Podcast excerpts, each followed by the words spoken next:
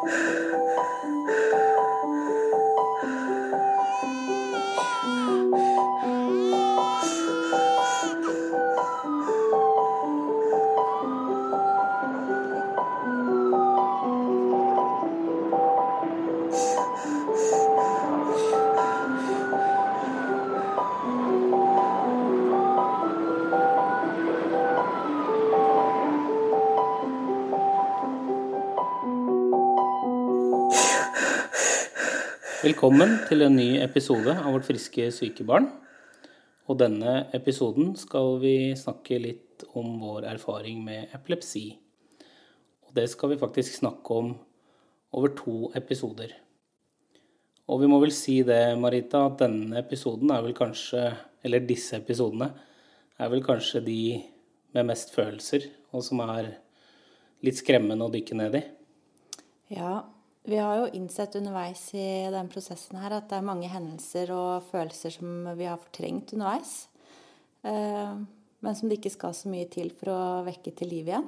Og litt av bakgrunnen for at vi deler så nære opplevelser og følelser som det vi skal gjøre nå, er jo for å gi alle som hører på, et bilde av hva epilepsien har vært for oss. Eh, og ikke minst hvor akutt og alvorlig det kan oppleves. Eh, men samtidig så er det jo viktig å si at eh, akkurat som mye annet med barn med spesielle behov, så er det store forskjeller. Så det som eh, gjelder for oss angående epilepsi, og hvordan det arter seg, det trenger jo ikke å være likt for alle, men mange av følelsene er kanskje like. Mm. Og da skal vi jo igjen skru tida langt tilbake. Vi skal tilbake til desember 2009, når Karoline var ti måneder. Ja. Og det som da skulle vise seg å bli vårt første møte med epilepsi. Ehm, og da var det jo sånn at storebror denne dagen vi nå snakker om, var hos mormor og morfar. Mm. Eller far, som vi kaller det her. her. Ja. og så skulle vi ha litt sårt tiltrengt voksentid, da. Vi skulle Vi hadde kjøpt litt god mat og skulle kose oss skikkelig. Um, og jeg sto på kjøkkenet. Uh, lagde, husker jeg, sto og stekte biff med mm -hmm. tilbehør. og du satt i, i, stua og ga Karoline melk. Melkeflaske. Mm. Og dette var jo en kveld vi hadde snakka litt om, da, som vi så litt frem til. Det var på en måte endelig litt voksentid, og vi skulle kose oss litt. Mm. Jeg sitter jo i sofaen med Karoline i armene for å gi flaske. Og plutselig så begynner øynene hennes å rulle bak i hodet. Eh, og først så blir kroppen hennes helt stiv eh, før hun begynner å riste. Mm. Og jeg glemmer faktisk aldri, eh, det har vi snakka om noen ganger også, men det var den måten du ropte navnet mitt på da når jeg sto på kjøkkenet. Det var på en måte Jeg har aldri, aldri hørt deg rope sånn til meg noen gang. Eh, det var en helt spesiell måte. Eh, og jeg har på en måte kjent igjen også i litt seinere tid, hvis det har vært ting med, med søskner eller sånne ting som har vært liksom noe skummelt, mm. så har det vært litt samme måten, selv om det ikke var den akkurat sånn som det var tilbake i 2009. Eh, men jeg skjønner jo ganske fort da, at her er det her er det noe alvorlig galt. Og da husker jeg også at det begynte å skumme litt ut av munnen hennes. Mm. Så jeg sa nå ringer vi ambulanse. Ja. Og for meg så har det jo alltid sittet veldig langt inne den tanken å skulle ringe ambulanse. Da er liksom, da er det snakk om liv eller død. Da skal du stå på et ulykkessted og se at det er skikkelig ille før du gjør det. Det har vært min tanke. Men um, jeg skjønte jo fort at det her uh, eh, veit jeg ikke hvordan vi skal håndtere. Men min første tanke var å ringe mamma, uh, som bor et par minutter unna, og som var uh, helsearbeider da. Ja, og det, og det, gjorde du også. Eh, du ringte jo moren din. Mm. Samtidig som jeg ringer 113, da. Eh, og, og, møter jo der et ganske drilla personell. Så de stiller jo en del spørsmål. Så får jeg ganske kjapt beskjed om at du må ta av henne klærne. De sier samtidig at ambulanse er på vei, og oppdaterer meg på, på hvor langt unna den er. Og så får jeg etter hvert beskjed om å og holde i døråpningen, åpne døra ut med et pledd rundt henne. da. For basert på det, det vi beskriver, så mistenker jo AMK at dette er feberkramper. Mm. Og jeg eh, svirrer jo egentlig bare litt rundt. Jeg tror jeg er litt sånn i sjokk. Eh, jeg gjør jo egentlig ikke noen ting fornuftig, jeg bare flyr i veien hele tida. Ja, der, men vi, vi, må jo egentlig stoppe opp litt òg, da, og berømme AMK. For de er jo utrolig dyktige. Ehm, de gir informasjon for å trygge oss. Eh, eller de gir meg informasjon da, på telefonen. Mm. De spør fortløpende hvordan det går med Karoline. De forteller Eh, nå er ambulansen 15 minutter unna, nå er ambulansen 10 minutter unna. Og så husker jeg veldig godt også, oppi alt dette her, så spør de plutselig Hva gjør kona di nå? Ja. Eh, og da sier jeg nei, hun sitter i sofaen og ser ut i lufta. Eh, og da fikk jo jeg beskjed om å, om å gi deg litt oppgaver, da. Så ser jeg jo i ettertid at de oppgavene var nødvendigvis ikke så viktige, men nei. det holdt deg i gang, da. Mm. Eh, og etter hvert så kom jo mamma og ambulansen. Det kom jo forholdsvis raskt at vi bor et stykke unna. Eh, og da er det ganske surrealistisk da, å se at de bare stormer inn i stua, og plutselig så blir man bare tilskuer mens de jobber med det lille barnet ditt. Ja, for da går de bare inn i situasjonen. Da ja. blir vi på en måte litt sånn tilsidesatt. Vi står bare på sida og ser, på en måte. Og ambulansepersonalet er jo raskt enige om at uh, de skal rekvirere luftambulanse. Og de spør oss om naturlige landingsplasser i umiddelbar nærhet. Og det er jo på en måte noe vi aldri hadde reflektert over tidligere. Uh, og vi hadde vel heller aldri forestilt oss at det var noe vi noen gang skulle tenke over. Nei, jeg mener, vi, jeg mener å erindre at vi veksla et blikk òg. Liksom luftambulanse. Det er mm. liksom da, da begynner du å, å kjenne på det. Men vi blei jo raskt enige om at bak huset vårt så ligger det en grusbane, så vi oppga jo det som den mest naturlige plassen. Eh, og da, når de får stabilisert, så får vi beskjed om å bære med oss Karoline eh, og sette oss i ambulansen. Eh, og for rett og slett bli kjørt i ambulansen bort til helikopteret, da. Og helikopteret kommer jo, det hører man. Det setter jo litt støkk i deg, og det er jo like bak huset. Og da står vi der ved ambulansen og får spørsmålet 'Hvem flyr?' Nå skal jeg være ærlig og si at jeg er ikke sånn kjempeglad i å fly, uh, men det er vel den enkleste avgjørelsen jeg noen gang har tatt. Uh, så jeg sier at pappa flyr. og så har jeg da ti måneder gamle Karoline i mine armer, for hun skal jeg holde under flyturen. Mm. Hvordan opplevde du den flyturen? Nei, jeg følte meg utrolig liten.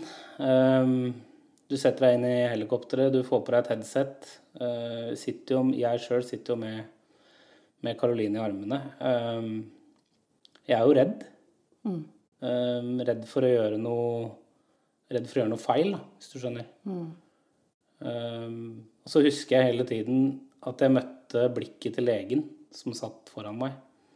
Og hver gang jeg så på han, så nikka han liksom bare tilbake. At dette går, eh, at dette går bra. Men du blir jo du blir utrolig usikker, da. Ja, det er jo en opplevelse du aldri har vært i før. Du er ikke klar i det hele tatt. Um, og så er du Du får egentlig det første møtet, for da på en måte alt det akutte som skjedde hjemme i huset, har roa seg, da. Så mm. du får egentlig den første følelsen. Du titter ned på Karoline, og så tenker du Dør du nå, liksom? Mm.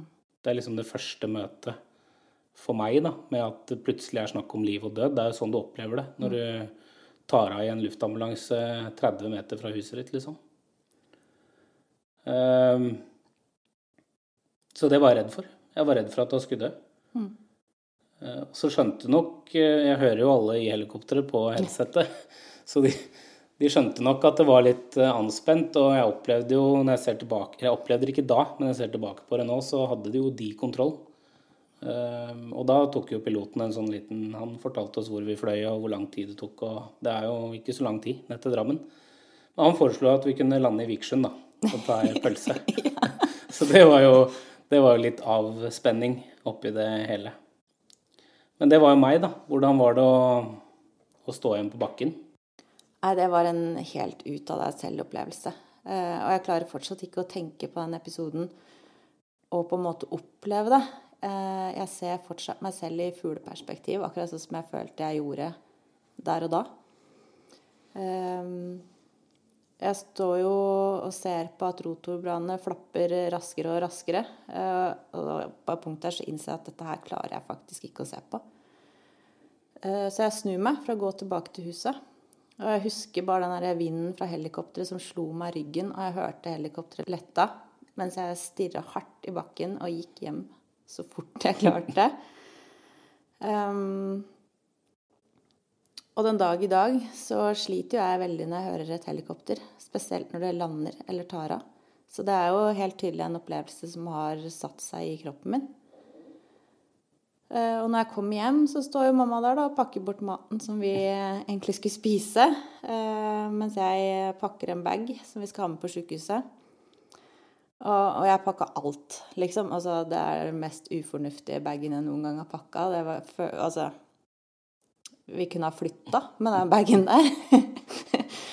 eh, og så kom svigermor for å kjøre meg etter til sykehuset. For heldigvis så skjønte vi jo at det var litt ufornuftig at jeg skulle kjøre sjøl i den situasjonen der. Mm. Det var nok lurt. Mm, jeg tror det. Ja, vi landa jo i, i Drammen, og da var det jo da var det rett inn på akutten. Ehm, nå var jo situasjonen da ganske stabilt. Karoline ehm, ligna mer på seg sjøl. Ehm, og da var det på en måte inntakssamtale, eh, så blir du lagt inn, eh, og så kommer etter hvert en lege, og også da en, en barnenevrolog, da. Mm. Og etter å ha vært der en dag eller to, så blir jo egentlig konklusjonen at ok, Karoline har hatt feberkramper. Eh, men samtidig så blir det også rekvirert flere nye undersøkelser, litt på bakgrunn av, av Karolines situasjon. Mm. At hun er under utredning og har forsinka utvikling. Så da blir det bl.a. rekvirert MR av hodet. Så etter et par dager på sykehus så gikk jo turen hjem. Mm. Eh, og vi klart Med et skriv om eh, hvordan vi skal håndtere feberkramper. hvordan håndtere feberkramper. Så vi var jo på en måte i den grad man kan si at vi var rolig. Men, eh, men det var det det var, da. Ja. Det var feberkramper.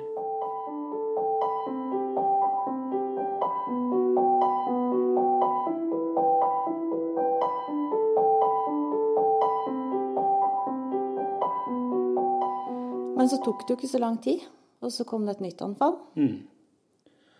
Og vi har, vi har, opplevd ganske mange anfall da, etter hvert. Eh, og selv om vi etter hvert visste mer og mer for hver gang, så blei det jo egentlig aldri noe, noe, lettere å stå i.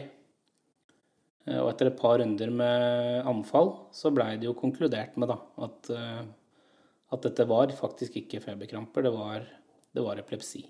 Mm. Og det ble satt i gang en, en, medisinering av det. Og det, vi kan jo si litt sånn generelt, da. Nå gikk det jo, Den første turen var luftambulanse, og det, den landa bak, bak i hagen. Men vi har jo ikke akkurat hatt uh, godt uh, hell med været når det har vært uh, epileptiske situasjoner. Nei. For de fleste gangene så har det vært snøkaos, og de fleste gangene har det blitt behov for luftambulanse.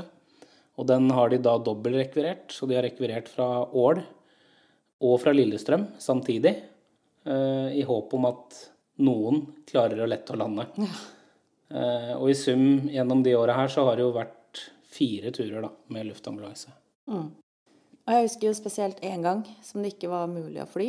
Eh, det kom både legebil og ambulanse hjem til oss, og legen ble med Karoline og ambulansen til eh, Ringerike sykehus. For de turte rett og slett ikke å kjøre rett til Drammen uten å prøve å stabilisere henne underveis. Og mens vi var på Ringerike, så blei jo anfallene bare sterkere og sterkere. Og jo mer medisiner hun fikk, så dårligere blei pusten, respir respirasjonen hennes. Mm. Og husker, jeg husker, det, akkurat det anfallet der husker jeg veldig godt. For det, jeg husker liksom det stive blikket. Mm. Altså det, Øya hennes var kulende og åpne, blunka ikke. ikke sant? Og det var mm. helt sånn Du følte hun nistirra på deg, men ja. at du bare så inn i Du så rett igjennom deg, liksom. Mm. Og, så, og, det var jo på en måte sånn som man kan kjenne igjen epilepsi, at det var litt sånn rytmisk eh, rykking i én arm. Og så begynte det i den andre armen. Og så begynte det å rykke i et bein. Og sånn fortsatte det bare, da, med, med hele kroppen hennes. Det, det, var ganske skremmende. Og de fikk henne ikke ut av anfallet. Og det ble ringt inn Ekstra leger, ekstra personell. Men til slutt så sier jo barnelegen at vi, vi er nødt til å få henne til Drammen. Mm. Selv om vi ikke klarer å stabilisere, så må hun til Drammen. Og da var det jo ikke flyvær. Nei. Det var rett og slett ikke mulig. Og da måtte anestesilege være med i sykebilen. Og da var det ikke plass til, til deg og meg, da. Nei. Både barnelege og Eller vakthavende barnelege på klinikken og anestesilegen blei jo med. Blei med i bilen. Mm. Og da sto vi jo ute i ambulansegarasjen der når de pakka seg ut. Og, og vi fikk egentlig bare én beskjed.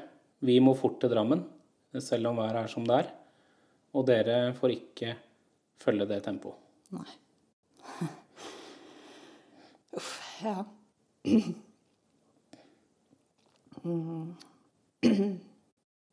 Ja. Det vekker litt eh, følelser. Det gjør det. Da vi svingte ut fra det sjukehuset eh, og hørte sirenen og så blålysene forsvant i snødrivet i nattemørket, så husker jeg at det var helt stille i bilen. Vi holdt hender og gråt, begge to. Eh, men det var bare Du kunne hørt om eh, en knappenål hadde dett ned i den bilen. Mm. Det var helt puttstille. Og etter det som ja, fortsatt vel føles som verdens lengste biltur noensinne, så kom vi jo fram til Drammen til slutt. Eh, og da blei vi vist til et stillerom. Og da var jeg helt, helt sikker på at det betydde at nå var hun død. Og jeg så for meg at nå blei vi satt der og bare venta på at legen skulle komme inn og fortelle oss det. Mm.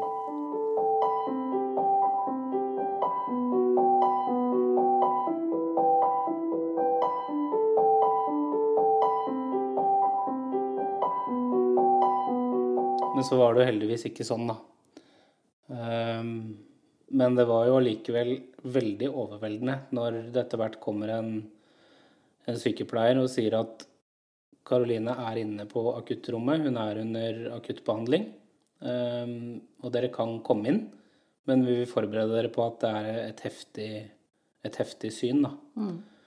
Og, og, vi kommer jo inn der, og det står jo ti-tolv mennesker rundt Karoline. Og ja, altså det er helt sånn ut av deg sjøl-opplevelse. Det, det, er vanskelig å forstå. Mm. Og alle gjør noe. Mm. Og, og det, er, det, er, klart Nå har vi på en måte berømma AMK, men sykehusstandarden i Norge, da, når du, når du, ser det der og hører på bare at personellet står og sender beskjeder til hverandre i rommet, det er, det er så profesjonelt. Mm. Og, og jeg husker hun syk, Vi sto jo liksom bare der og blei liksom perplekse. Og så sa hun ene sykepleieren dere kan bare gå bort til henne. Mm. Og så tenkte jeg bare sånn Men det er ikke plass til oss. Nei. Vi sto liksom og strøyka på stortå, for det var det eneste stedet som liksom, det var bitte litt ledig plass rundt det. Ja, og det var jo så mye ledninger og pustemasker og Det var mye utstyr altså, rundt den lille jenta som ikke er et år engang. Mm. Ja, og så hadde vi jo en runde der eh, anfallet virka litt mer kontrollert. Eh, og Karoline ble kjørt i ambulanse, eh, og jeg var med. Og så skulle du kjøre etter i egen bil. Så kom vi sånn halvveis til sykehuset, og da tiltar anfallene en del. Og jeg husker at ambulansepersonellet sa til meg at nå må du ringe far og si at han ikke får lov til å holde følge. For nå må vi bare komme oss på sykehuset så fort vi kan. Og det har jeg tenkt på mange ganger. Hvordan føltes det for deg å få den telefonen og bare se ambulansen forsvinne foran deg? Det blir jo nok en sånn opplevelse som, som du beskriver da når vi kommer inn på stillerommet. Fordi man blir, man blir så hjelpeløs. Altså, man blir så redd. Eh, du ser jo sjukebilen som har kjørt egentlig pent og rolig, setter på blålys og sirener og bare dunker av gårde foran deg. Borte på, på få sekunder. Mm. Og så er det sånn tosidig. Da kommer den følelsen tilbake. Nå kommer hun til å dø. Mm. Du får den igjen. Uh, og så tenker jeg på deg. Jeg får ikke vært der og uh, holdt deg i hånda eller støtta deg. Så det blir en sånn ekstra dimensjon. Um, så da blir du ekstremt ensom, da. Jeg ringte storebror. Ja. uh, og bare fikk Ja, da griner jeg jo, og fikk lada ut litt. og det, det hjelper jo. Mm. Det hjelper å snakke med noen. Det er vel egentlig er vel egentlig budskapet. Men det er en sånn helt ut av deg sjæl-opplevelse. Ja, og en konsekvens som kom eh, ganske kjapt ettersom vi opplevde flere og flere sånne alvorlige anfall, det var jo at vi ikke turte å sove på natta. Vi blei jo redde for at vi ikke skulle våkne av et anfall. Eh, og vi prøvde flere forskjellige hjelpemidler. Fikk jo Sånne Matter matter, og som lå under lakenet, som skulle registrere pusteendringer. mm, Fikk jo prøve masse forskjellig som skulle varsle. Men eh, det var ikke alltid de klarte å fange opp anfall, for hun har jo hatt mange forskjellige typer anfall. Mm. Så hadde vi jo ved siden av senga hennes et eh, ja, rett og slett et måleapparat. da. Det var jo en liten boks med ledninger som gjør at du kan måle metning, for det kan ofte gi deg en, en pekepinn eh, når anfallene står på. Um, og anfallene har, som du sier, de har vært veldig forskjellige. Eh, hun har hatt på en måte litt sånn GTK-anfall hvor det er rykninger og, og kramper i kroppen. Hun har også hatt helt stille anfall, hvor kanskje det eneste du kan se, er at øyenbryna hennes går opp og ned. Mm, også den en smattelyd. Også sånn smatting. Um, så vi til slutt, det er som du sier, vi sover jo nesten ikke. Um, vi har en babycall med video inne hos henne på natta. Og så delte vi natta i to. Én sov, og én var, en var vakt. Mm. Det var den eneste måten at vi skulle kunne klare å fungere normalt på jobb eh, dagen etter. Mm. Og en annen konsekvens var jo at vi utvikla en eh, sterkere og sterkere angst, vil jeg si, for at hun bare skulle dø fra oss. Eh, og vi gikk jo en frykt hver eneste dag for at det her kunne være den siste dagen som vi hadde henne hos oss. Mm. Og det kommer jo rett og slett av at disse anfallene har vært så akutte, da. Det har liksom vært problemer med respirasjon, det har vært ambulanse og luftambulanse Det blir en sånn Litt de følelsene vi sitter og beskriver, da. Du, når du kommer inn på stillerom eller du kommer inn på akutten, så tenker du liv og død, da. Og det gikk jo så langt for oss at selv om hun var, på, eller var i barnehagen eller på avlastning eller eh, Så vi klarte liksom ikke å slappe av. Det var en sånn konstant beredskap som vi sto i mange, mange år. Og det, det prega hele hverdagen vår. Prega hele familien. Det prega ja, feriene våre. De årene det her sto på, så reiste vi jo aldri på lange ferieturer, selv om vi hadde avlastning. Vi passa på kanskje å være maks et par timer unna Drammen, eh, hvor sykehuset ligger. Og vi var jo stort sett aldri borte mer enn et døgn, kanskje maks to. Ja, vi la jo til og med opp bryllupet vårt. Etter hvor det var strategiske stoppeplasser for ambulansen på vei til Drammen. Sånn at vi bare kunne hoppe inn på vei til sykehuset hvis det var sånn at det skulle bli et anfall den dagen. Det Høres helt vanvittig ut når vi snakker om det nå. Men, men sånn var hverdagen vår, da. De årene. Vi, vi turte jo ikke å gå på do uten telefon. Den var aldri skrudd på lydløs. Eh, møtte vi en, en ambulanse langs veien, så, så var liksom kroppen i helspenn med en gang. Eh, og tanken var bare nå, nå henter de Karoline. Nå har de bare ikke rekt å gi oss beskjed. Så det var bare å få stoppa liksom, og sjekka telefonen og kanskje til og med ringe dit hvor hun var. Bare for å Er alt bra med Karoline? Mm. Jeg husker i hvert fall når jeg kjørte aleine, så ringte jeg deg. Har du hørt noe? Har de ringt deg? Og det å gå i flere år eh, og hver eneste dag være redd for at dette er dagen barnet ditt skal dø, det er jo bare helt ekstremt utmattende. Mm. Ja, det, det så vi ikke da, men når vi snakker om det nå eh, og reflekterer tilbake, så, så er det nesten mer enn du kan bære. Når volumet av akutte situasjoner blir så høyt. Men hvordan er det eh, å se en sykebilutrykning i dag? Eh, det, ja, nå har jeg jo fått mengdetrening etter å ha kjørt rv. 7 ganske mye. Men eh, det å se en ambulanse med blålys i mørket, det er det verste. Mm. Da er du tilbake i da er jeg rett tilbake. Eh, Det har jo stort sett alltid vært på natta. Eller på kveldstid. Så det har jo vært mørkt. Så da, da er jeg rett tilbake igjen.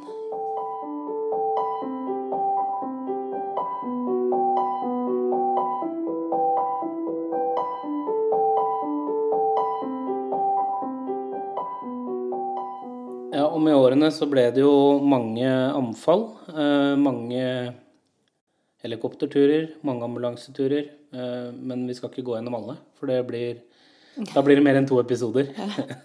men vi skal, vi skal, dele litt om det siste store anfallet. Og av alle ting så, så var det en natt til 17. mai 2013. Mm. Vi stressa jo rundt i huset da, for å ha alt klart til 17. mai. Um, for dette var kvelden 16. mai. Strøyk bunadsskjorter og dekka bord og pynta kake og vaska gulvet og gjorde alt for at alt skulle være på stell til dagen etter.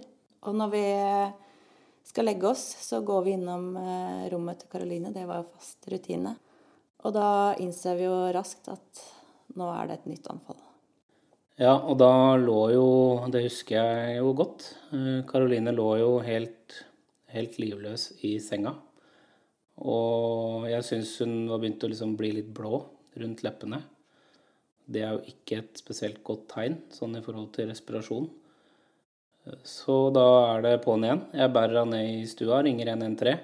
Basert på hva vi fortalte da, Marita, så, så, var jo situasjonen litt annen enn det pleide å være. For da fikk jo du rett og slett beskjed om å iverksette livredning.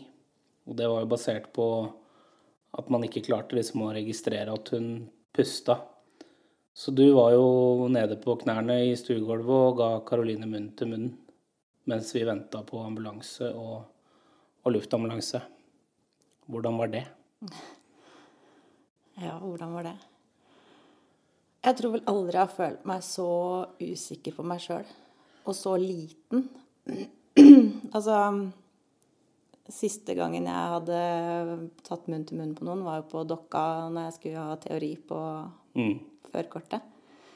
Og det å da plutselig skulle gjøre det på din egen datter eh, Jeg fikk jo instrukser fra operasjonssentralen, eh, men den derre frykten for at jeg gjorde noe galt, da, som skulle gjøre at hun døde, den var helt ekstrem.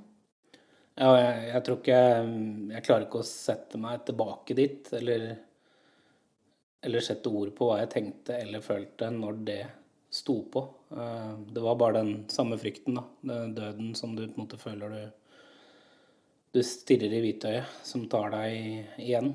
Mm. Men heldigvis så kom ambulansen kjapt. De tok over akuttbehandlingen. Og de bestemte seg for å kjøre da utrykning i møte med luftambulansen. Mm, de måtte få oss kjappest mulig av gårde. Ja. Og igjen er det jeg som flyr, mens du kjører i egen bil. Mm. Og når vi kommer på sykehuset, er det samme prosedyre som vi har vært igjennom så mange ganger før. De, de jobber eh, akutt for å få henne til å puste stabilt og få henne ut av anfallene. Og så går det si en åtte-ti timer, da hvor Karoline er i anfall fortsatt. Og så blir vi tatt til side, og så sier legen at nå, nå klarer vi faktisk ikke å stoppe det. Så nå må vi legge Karoline i kunstig koma. Ja, og da får vi jo beskjed om at det får ikke vi være med på. Ehm, så vi sitter på et venterom og drikker en kaffekopp mens vi venter. Og det å komme inn igjen da på intensiven og se den der lille kroppen ligge sovende med oksygenmaske og masse ledninger til kroppen, den er helt forferdelig. Og så den derre pust, eller den eh, lyden som den maskinen lager. Mm. Og i første omgang så skulle jeg ligge i koma, kunstig koma i 24 timer. Så de sa jo at uh, dere kan reise hjem og feire siste rest av 17. mai med bror og sove ut, for nå har dere mange tøffe timer foran dere. Mm, og vi hadde jo mange tøffe timer bak oss. Og jeg husker at det å ta det valget, eh, å kjøre en og en halv time vekk fra henne når hun ligger i koma, det var utrolig vanskelig. Og vi tok jo mange runder med oss sjøl. Eh, så var det også samtidig den, den dimensjonen da, at eh, det sitter et søsken hjemme mm. som, som vi også bestemte oss for at det er viktig å være hos. da. Mm. Og få litt Få spist litt kake sammen og, og få litt følelsen av, av en så vanlig 17. mai som mulig. Så til slutt så landa vi jo på at vi reiste. Og så kom farmor og var Karolines farmor og var på sykehuset eh, mens vi var hjemme og feira og hvilte. Og hun lå jo på akutten hele tiden, så hun hadde jo også en egen intensivsykepleier som satt og fulgte med på hele tiden. Så det var jo trygt, men det var bare den følelsen å Hvis noe skulle tilta eller skje, da, av den følelsen at vi bare reiste. Det var noe trygt og godt for oss. Det var lettere å reise når vi visste at eh, noen var der. Men jeg husker jo fortsatt når vi gikk ut av akutten. Det var uh, begynt å bli litt sånn skumrint. Eh, det var bare gatelysa rundt som, som lyste. Og da satte jeg meg på bakken inntil noen brakker før vi skulle kjøre, og kikka opp på sjukehuset foran meg, og så tenkte jeg bare Hva nå? Hvor går dette nå? Og så husker jeg den natta hvor vi sov hjemme. Eh, Sov er vel eller prøvde å sove. Ja. Men jeg bare, en stund etter vi hadde lagt oss, så bare bråsetter jeg meg opp. Jeg vet ikke om du husker det. Og bare begynner å grine. Og så bare sier at vi må reise. Nå, nå må vi ned igjen. Men da var det på en måte du som holdt troen. Da. Så at nå trenger vi å sove. Dette går bra. Hun er i trygge hender. Men vi reiste jo tilbake tidlig på morgenen. Det, vi var jo oppe lenge før vekkerklokka ringte.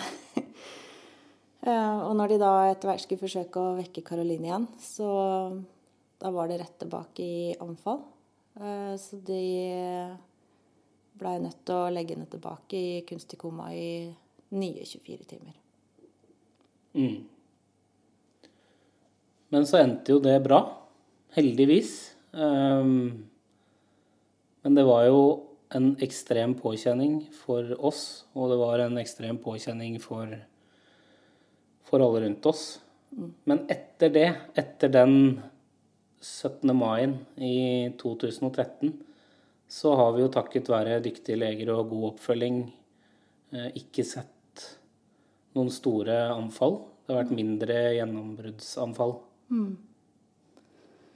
Ja, og det er jo regelmessig oppfølging og kontroller i Drammen som gjør at vi hele tida kunne ligge i forkant og økt medisiner og eh, gjort at det antageligvis At hun har sluppet, da. Å få flere anfall. Men så er det jo et men. Eh, etter mange år med anfallsfrihet så kom det jo et anfall igjen i oktober i fjor. Det gjorde det. Og hvordan vi opplevde det etter så mange år uten store anfall, skal vi snakke om i del to av Ambulansenatt.